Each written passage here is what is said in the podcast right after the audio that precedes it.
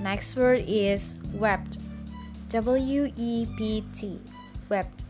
From word weep means shed tears. Similar with cry or sob which artinya adalah menangis atau mencucurkan air mata. Tapi kalau wept ini berhubungan dengan air mata yang bercucuran. Misalnya sedang galau atau ada suatu hal yang bikin kalian menangis, biasa itu wept itu mencucurkan air mata. Thank you